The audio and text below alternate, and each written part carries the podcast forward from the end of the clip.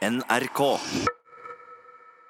Dette er podkastversjonen av Sommer i P2, der musikken er forkortet eller tatt ut.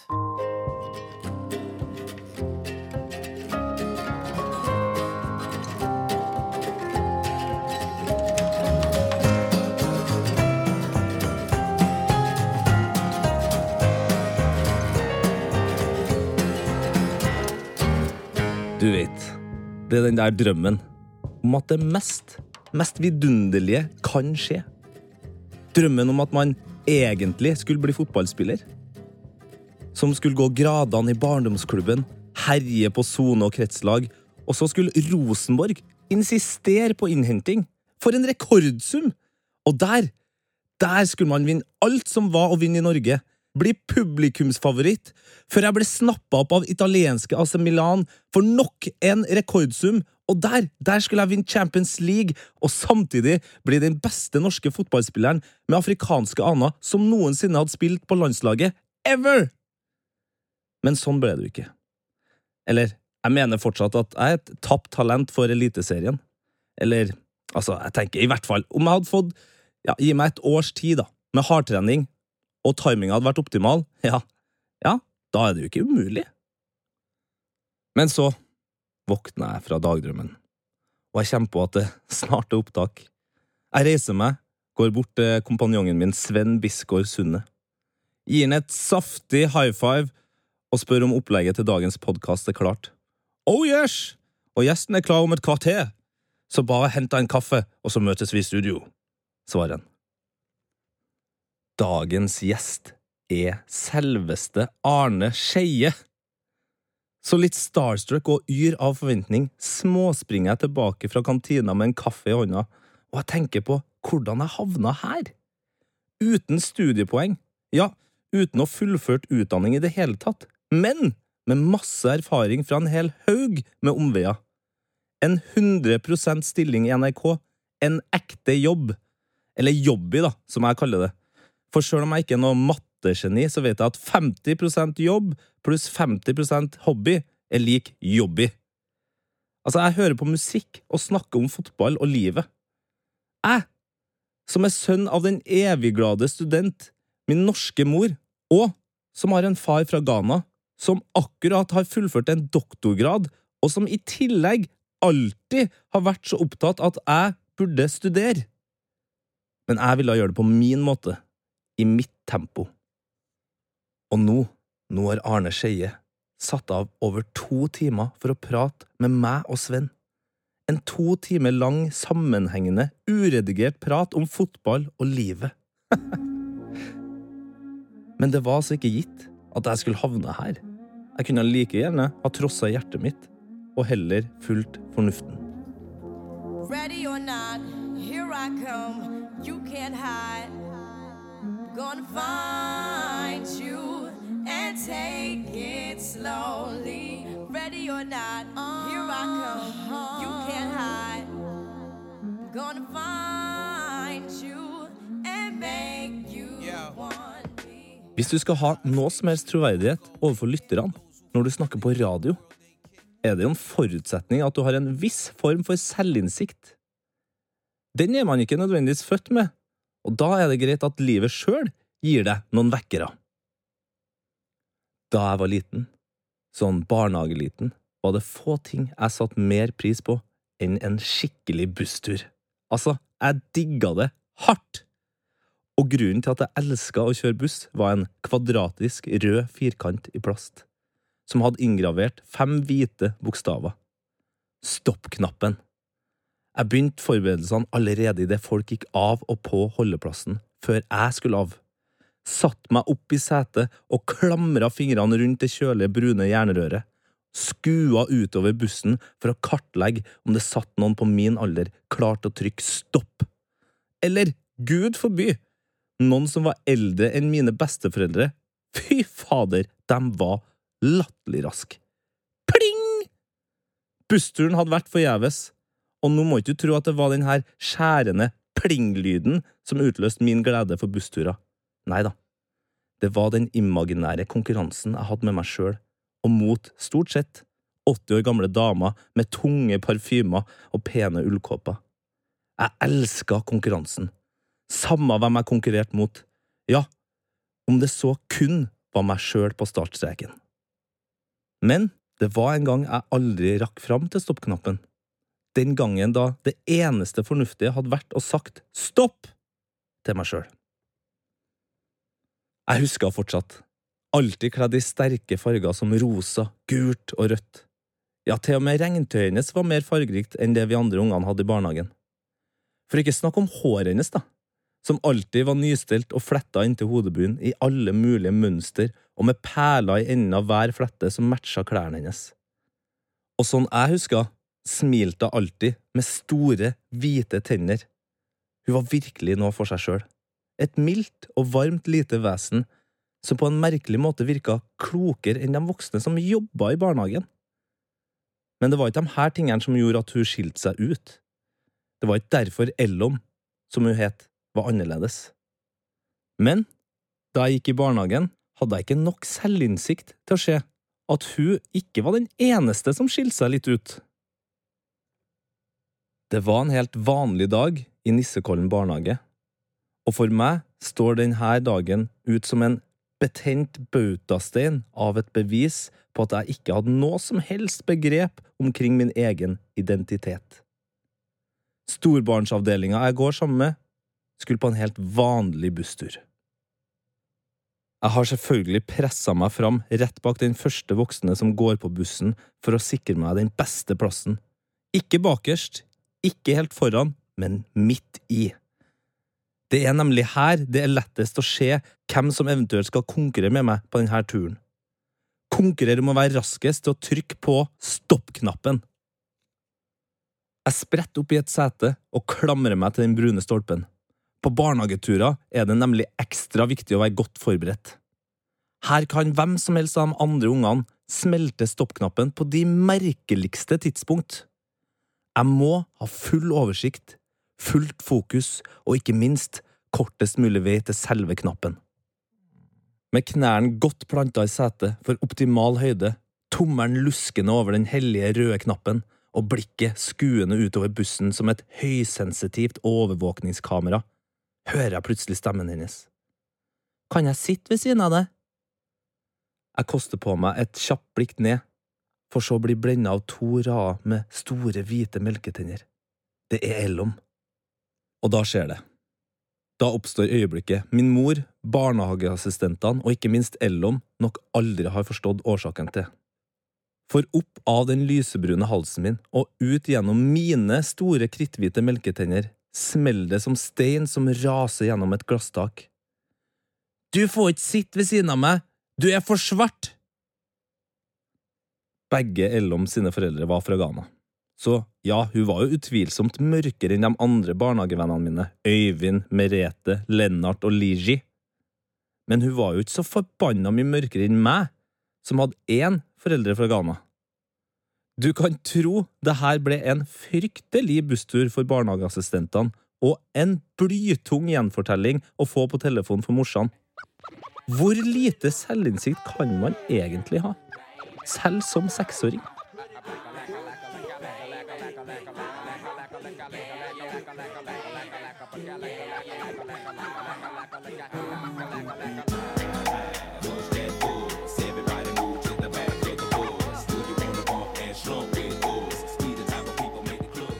Jeg heter Tete Lidbom, og vanligvis så snakker jeg på radio i NRK P3. Men ta det med ro.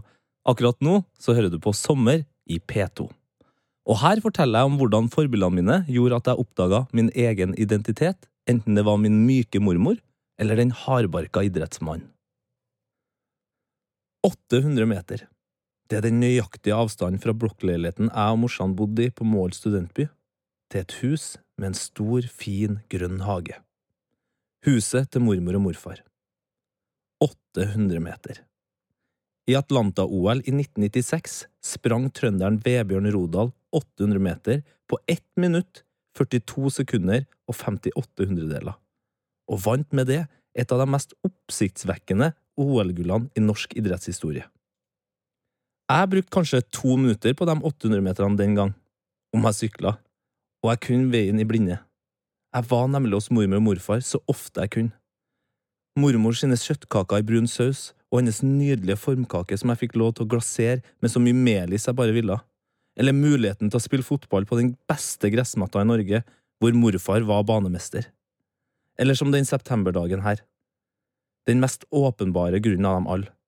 Muligheten til å se tungvektsboksing live midt på svarteste natta. Min oldefar, mormor sin pappa, var nemlig bokser back in the days, og sånn hadde altså min snille, varme, milde mormor fått interessen for idretten de fleste nordmenn ser på som barbarisk, voldelig og umoralsk. Mormors engasjement hadde smitta over på store deler av familien, og jeg og morfar var nok de to som, sammen med mormor, omfavna kjærligheten for boksing aller mest. I den andre enden av skalaen finner du min mor, som på denne tida konfiskerte alle gaver som kunne gi assosiasjoner til vold. Men på tross av morsans forakt for denne, i hennes øyne, grusomme sporten, lot hun meg altså ha de her fine nettene sammen med mormor og morfar. Det kaller jeg kjærlighet. Når mørket nå har skjenka seg, går jeg stilt igjennom rommet. Mormor sang alltid Åge Aleksandersens Lys og varme som nattasang til meg. Men denne kvelden tror jeg ikke hun kom halvveis ut i refrenget før jeg var i drømmeland. Jeg hadde ingen tid å miste. Jo raskere jeg sovna, jo kortere ville timene fram mot tungvektstittelkampen mellom Bruce Selden og Mike Tyson oppleves. Opp og stå, Tete, nå er det ikke lenge til de begynner. Klokka må ha vært nærmere tre på natta, og mormor røska av meg dyna og forsvant med den under armen og ut i gangen mot stua. Jeg kunne høre ringannonsøren rope ut The Tale of the Tape fra TV-en, og jeg spratt opp av senga. Introducing the one and only Iron Mike Tyson and his opponent across the ring, known as the Atlantic City Express, Bruce Selden. Mormor, nå begynner kampen, sa jeg oppspilt. Ja, jeg hører det, jeg kommer snart. Bra det er en tolvrunders tungvektskamp om verdensmesterbeltet, gutten min. Kom det fra kjøkkenet og hun fortsatte, og jeg regner nå med at du fortsatt har lyst på heimbaka kake med brunost og en kopp med kakao? Selvfølgelig ville jeg jo det, og jeg festa dermed blikket mot TV-en igjen. Ding, ding, ding, ding! Kampen starter, og min og bokmakerne sin favoritt, Iron Mike Tyson, går aggressivt til verks. Og sjøl om han i utgangspunktet er minst et hode mindre enn Bruce Helden, begrenser han raskt det såkalte ekspresstoget fra Atlantic City til et blytungt, rustent godstog med et par kjappe hooks og jabs. Og sjøl om det eneste jeg nå hører og ser, kommer fra TV-en, klarer jeg ikke å blokke ut den søte lukta fra kjøkkenet. Men det er jo det nærmeste jeg kommer smaken av kakao denne natta. For før jeg vet ordet av det, deiser Selden pladask i bakken med armene over hodet. Nærmest like raskt er han rett tilbake på beina og nå koker det både i kakaogryta og i MGM Garden Arena i Las Vegas. Mormor, nå må du komme! Tyson kommer til å vinne, jeg kjenner det på meg! Det skulle vise seg å være tidenes understatement. For selv om Selden raskt blir sjekka og klarert av dommeren, trengte Tyson kun ett slag til før kampen er over. Og ikke minst før mormor rekker å komme inn i stua med hjemmebakt brød og kakao. Ja! Han vant, mormor! Tyson er verdensmester igjen! han gjorde det bare på ett minutt, og roper jeg ut før mormor, som nå står rett foran TV-en, avbryter meg med en mild, men bestemt tone. Ja, han vant, ja. Han er jo best. Nesten på nivå med Mohammed Ali, gutten min. Ja, ja, ja, ja. Nå er det rett i seng med deg. Nå er det natta. Ett minutt og 49 sekunder nesten sju sekunder mer enn hva Rodal brukte på 800-meteren. Men der hvor Rodal løpte fra motstanderne sine, gikk Tyson rett igjennom dem. Så om det noen gang har vært noe tvil, var det nå ikke et spor igjen av den. Det var ikke melkehvite Rodal som var min helt. Det var Mike Tyson, det. Sjøl om han kosta meg den deiligste brødskiva med brunost og en kopp med kakao.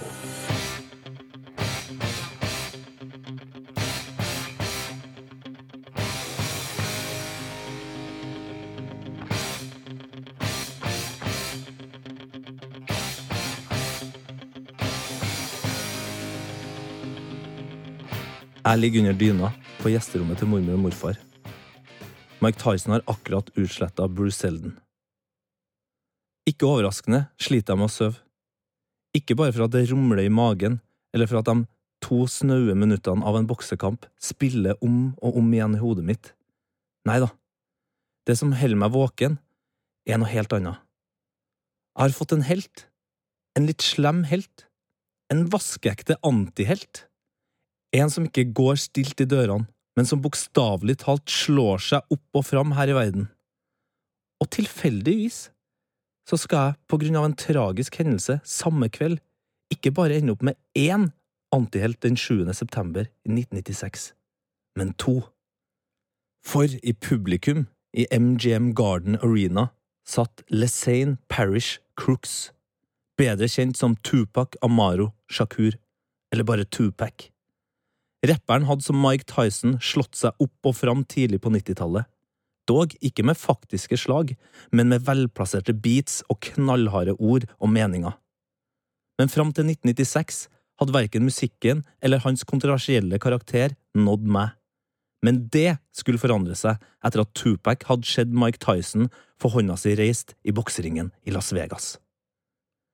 For Tupac dro videre ut i Las Vegas-natta sammen med kompisen sin Serge Knight, sjefen i plateselskapet Death Row Records, kjent for å gi ut musikken til stjerner som Dr. Dre, Snoop Dogg og ikke minst Tupac. De skulle i en bursdag, men det gikk ikke etter planen. Både Serge og Tupac hadde tidligere dette året vært i sentrum av flere stygge hendelser. I det som hadde blitt en blodig hiphop-krig mellom rappmiljøene fra østkysten og vestkysten i USA. Og i et veikryss, i byen som er kjent for sine spektakulære neonlys, skulle ett rødt trafikklys gi et fortsatt uvisst antall menn i en hvit Cadillac muligheten de hadde venta på i lang tid.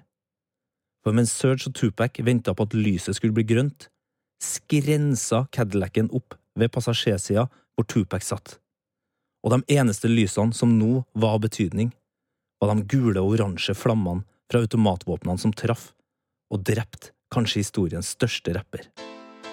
Så da nyheten nådde meg om at Tupac var død, fikk jeg min andre antihelt på under ett døgn.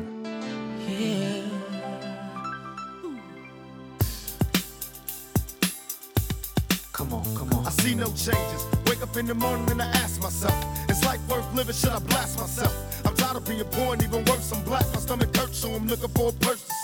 Jeg heter Tete Lidbom og er programleder i NRK P3. I sommer i P2 i dag snakker jeg om hvordan det er å oppdage sin egen identitet, og det å ta med seg det positive ut av alle hendelser. Da jeg var liten, elska jeg MTV. TV-kanalen som har vært verdens beste barnevakt på 90-tallet. Bare spør morsan. I helgene kunne jeg stå opp tidlig, noe som selvfølgelig var lite populært for en ung studentalenemor med Nord-Europas største sovehjerte. Så jeg lista meg inn på stua for å skru på den tolv tommer store TV-en. Men ikke tro at det var passiv TV-titting jeg drev med. Jeg rigga opp et hjemmelaga trommesett bestående av sofaputer som hvilte skrått opp mot stuebordet, og brukte morsan sine strikkepinner som trommestikker. Sånn her lærte jeg meg å spille trommer til alt fra Phil Collins-klassikere til hits fra Spice Girls. Sånn la jeg grunnlaget, som senere gjorde at jeg faktisk ble trommis. Men kanskje viktigst av alt, så fikk jeg en lidenskapelig musikkinteresse som gjør at jeg nå jobber i radio. En kveld denne perioden, da jeg var som mest opptatt av å tromme til MTV, storma jeg inn på stua hvor morsan satt og så på TV.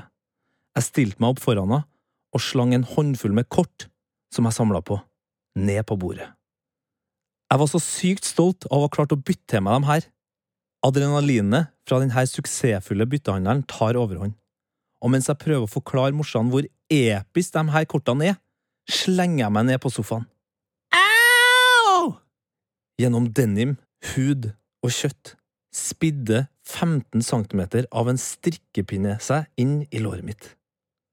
Morsan sitter i andre enden av sofaen, foreløpig helt stille, mest sannsynlig i sjokk. Samtidig har jeg klart å snu meg på magen og hyle fortsatt som en stukket gris, før de desperate hylene mine gradvis går over i hysterisk latter.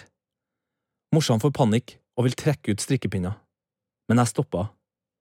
Jeg har heldigvis sett nok Rescue 911 til å vite at i lignende situasjoner så skal man ikke trekke ut noe som helst. Da begynner morsan også å le. Det her er jo helt absurd, og latter er det eneste som føles naturlig. Sjøl om hun er redd, og jeg har fryktelig vondt. Jeg har en strikkepinne stående rett opp fra låret. Hva er sjansen for det? 20 minutter senere banker det på døra. Mamma har ringt etter ambulansen. Inn kommer et ambulanseteam ledet av en mann som må ha vært selve inspirasjonskilden til Jon Øygardens karakter Sersjant Wiseth fra Lykkelige gatene. Og nå, nå begynner det å gjøre skikkelig vondt. Men denne urtrønderen bare må opptil flere ganger påpeke at han har aldri sett noe lignende, og at han ikke kunne forstå at en så ung gutt kunne være så interessert i strikking at han har prøvd å strikke med seg sjøl, som garn.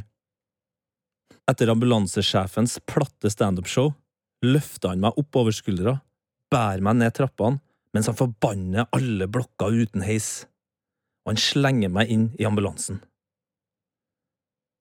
Når jeg blir trilla inn til eget rom på legevakta, tenker jeg at endelig, nå er det bare sekunder før en eminent lege kommer inn for å redde både låret og verdigheten min. Men nei da, her blir jeg liggende på magen, med døra til rommet på vidt gap, sånn at alle som tilfeldigvis går forbi, eller er på vakt denne kvelden, får fritt innsyn til gutten med strikkepinnen i låret. Jeg ligger simpelthen på utstilling, i noe som føles ut som en liten evighet før legen kommer. Han klemmer litt på låret mitt, mumler et eller annet om at jeg har vært heldig som ikke har fått strikkepinn i lårbeinet eller gjennom hovedpulsåren, før han så, på mest naturlig vis, trekker pinnen ut, bandasjerer låret og gir meg et par skinnende blå krykker. Og jeg forsto det allerede da, og jeg tenker på det fortsatt. Jeg hadde ekstremt hell i uhell. Det kunne ha gått så mye verre. Men det gjorde ikke det. I stedet så sitter jeg igjen med en ganske unik historie som gjør seg godt i festlige lag. Jeg tenker at livet er akkurat så farlig som du sjøl gjør det til.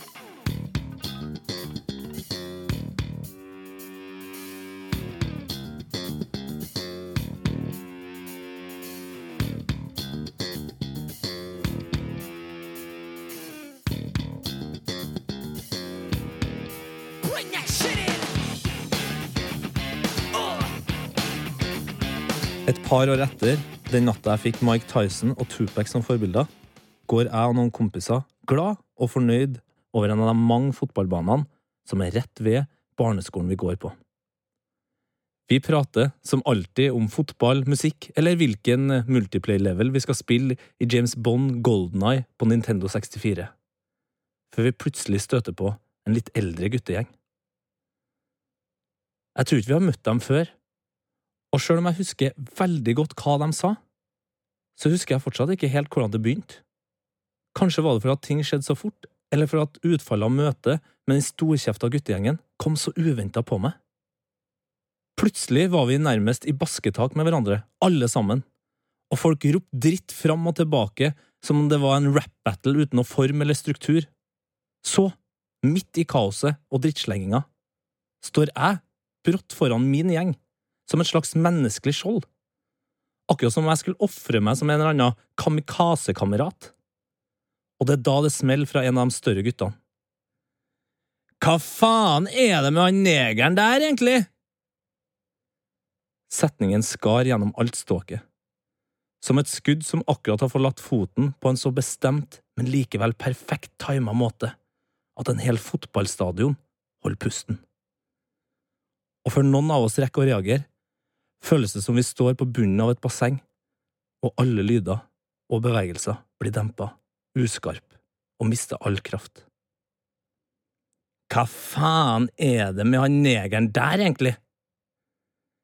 Setningen som nå gikk på repeat i hodet mitt, må ha vært det eneste som hadde en viss form for hastighet de få sekundene hvor alt sto stilt. Ha-ha! For en idiotisk ting å si! Tenkte jeg samtidig som jeg sakte vendte meg mot kompisene mine, som sto der med illsinte, dirrende ansikt. Som om noen hadde satt fjesene deres på pause. Latteren min begynte inni hodet mitt, og var nå på vei opp av lungene og ut av munnen. Jeg snudde meg mot de eldre guttene og brast ut i en hysterisk og høylytt latter. Hvem faen er det dere snakker til? Det er jo ikke noen neger her! Jeg lo fortsatt, men det var det ingen andre som gjorde. Vennene mine så bare ut som små, lyse spørsmålstegn. De skjønte ingenting. Det virka ikke som de andre guttene gjorde heller, for de var allerede i gang med å gå stille og rolig vekk fra oss, som om ingenting hadde skjedd. Før han som satt hele situasjonen på pause med den stikkende setningen, snudde seg og sa Hvis ikke du skjønner og pekte på meg før han fortsatte. Så kan det faen meg være det samme. Du er jo helt sjuk i hodet! Og sånn var det, altså. At jeg som elleve-tolvåring for aller første gang innså at jeg var mørk i huden. Ikke svart som pappa eller mørkebrun som Mike Tyson, men mørk nok i huden til at det var helt åpenbart at det var jeg som var negeren i kompisgjengen. Tete Lidbom, brun nok til å være mørk i Norge, men samtidig lys nok til å være hvit i Ghana. Og selv om det kanskje burde ha komplisert forståelsen av min egen identitet, var denne åpenbaringa akkurat det jeg trengte. Og det er det her som har gjort meg så trygg på meg sjøl, sånn som jeg er nå. For det er jo akkurat sånn jeg er, både lys og mørk, varm og kald, norsk og ghanesisk. Du hører på Sommer i P2. Jeg er Tete Lidbom, som vanligvis jobber i ungdomskanalen P3. I denne timen snakker jeg om at det kan gå bra, selv om man ikke gjør akkurat det man tror er forventa. Vi mennesker er jo forskjellige, alle sammen. Men likevel så skal vi jo alle passe inn i den samme skolen. Første skoledag ble ikke helt slik som jeg hadde sett det for meg. Det starta bra, jeg var strålende fornøyd med å endelig ha gått fra å være storgutt i barnehagen til å rykke opp til skolesystemet. Sekk, pennal, viskelær og lim var nå mine nye, stolte eiendeler. Og når jeg la fra meg den fine, lysebrune skinnranselen min i gangen hjem, så var stemninga i den lille familien vår harmonisk som bare det. Men det var før jeg hadde forstått alvoret av hjemmeleksa som læreren min Målfrid hadde gitt oss. Leksa allerede første skoledag? Hvem kan gjøre noe sånt med hverdagsrutinene til en sju år gammel gutt? Og så viste det seg at til og med morsan var enig med Målfrid om at leksa var en helt vanlig greie man bare måtte gjøre. Utrolig! Sjøl nå, 26 år etter, kjenner jeg at det grøsser nedover ryggen når jeg hører ordet. Leksa. En tvangstrøye som automatisk fester seg idet du åpner døra hjem etter endt skoledag som nekter deg å skru på TV-en, PC-en eller Gameboyen. Leksa, som gjør at offeret ikke engang kan komme seg ut og spille litt fotball eller frese rundt på sykkelen sin. Hvilken sadist var det som fant opp leksa, egentlig? I ettertid ser jeg at oppgaven vi fikk, burde ha vært mer enn overkommelig nok, også for en liten gutt. Hadde ikke morsan eller Målfrid kalt det for leksa, ville jeg sikkert gjort det frivillig òg men å fargelegge en håndfull sider med fargeløse figurer, uten videre instrukser, det ble for mye for meg den dagen. Fargestiftene fløy gjennom rommet. Noen av dem traff morsan idet hun prøvde å vise meg hvor enkel oppgaven faktisk var. Jeg lå på gulvet og hylgrein, sparka og slo, spytta og dro fram de styggeste og mest sårende ordene jeg hadde i sinnaverktøykassa mi. Jeg opplevde livets første store krise og jeg ga meg ikke. Det gjorde heldigvis morsan. Min første lekse ble aldri fullført, og i årene etter var det kun de obligatoriske leksene som ble gjort. Ikke alltid dem heller, faktisk. Men jeg kom meg gjennom skolesystemet. Takket være, mener jeg, da, at mamma lot meg slippe det aller meste av mas og press med tanke på lekser. En dag, her i vår, befinner jeg meg i et stort og flott lokale i en av de mange byggene til Oslo mitt. Omkring 100 mennesker sitter ved to lange langbord, alle pent kledd, i dress og kjoler. Og ut ifra hva jeg både ser og hører, er de alle norske. Praten går lett, men er godt innafor de norske kravene for lavmælthet så tidlig i et staselig selskap. Rett foran meg ser jeg en langt mer fargerik og høylytt liten gjeng. De sitter ved et litt mindre og rundt bord. Og sjøl om jeg ikke er ekspert, så tipper jeg at de alle sammen er, ut ifra utfargen, og ja, noen av de fargerike klesdraktene, er afrikanere. Og det er mens jeg observerer de her to vidt forskjellige bordsettingene, at det blir krystallklart for meg. Jeg ser meg sjøl, i begge to. Langbordene representerer de delene av meg som setter pris på rammer, så lenge de er store nok, som gjør at jeg ikke nødvendigvis hoier og søker folk sin oppmerksomhet før jeg rukker å bli trygg på dem, og som heller sitter med en håndfull venner og prater skit når jeg er på byen. Langbordene er den norske delen av meg. Mens det runde bordet er den litt mindre, men langt mer fargesprakende og høylytte delen av meg, som ikke har noen skarpe kanter eller tydelige rammer, som gjerne kommer uforberedt og seint, men likevel med et stort smil om munnen. Som takker ja til hva som helst av utfordringer, og som mest av alt har lyst til å løpe opp på scenen for å underholde. Det runde bordet er den ghanesiske delen av meg. Og nå, i dette selskapet på Oslo Met, ser jeg rett på dagens hedersgjest. En målbevisst mann som på 80-tallet reiste fra familie og venner i Ghana for å studere i Norge. Et dristig valg, spesielt for han som er førstefødte sønn. Ja, det kan sikkert sammenlignes med en odelsgutt som forlater gård og fedreland for å oppleve den store verden. Og det var det dagens mann altså gjorde, og nå sitter han her og mottar heder og ære. Det er pappa jeg ser på, eller doktorpappa som jeg sikkert bør kalle han, nå som han akkurat har forsvart doktorgraden sin. Og nå har han invitert på doktorgradsdisputasfest. Og jeg begynner å tenke, både på hvor lik og ulik vi er. Der han alltid har vært opptatt av studier, akademia og politikk, har jeg nærmest på trass villet komme meg opp og fram uten studiepoeng, og heller samla på erfaringer tjent gjennom hands on arbeid og naturlige utfordringer. Samtidig deler vi den samme driven og setter oss hårete mål. For sjøl om jeg har den stereotypiske afrikanske bedageligheten i meg, er jeg veldig opptatt av å være best når det gjelder. Men for meg er det ikke viktig med en tittel eller en grad å vise fram. Det er god arbeidsmoral som teller mest. At du har lyst til å bli god til å faktisk jobbe, det er viktig, det. Og da må du få lov til å gjøre det på din måte.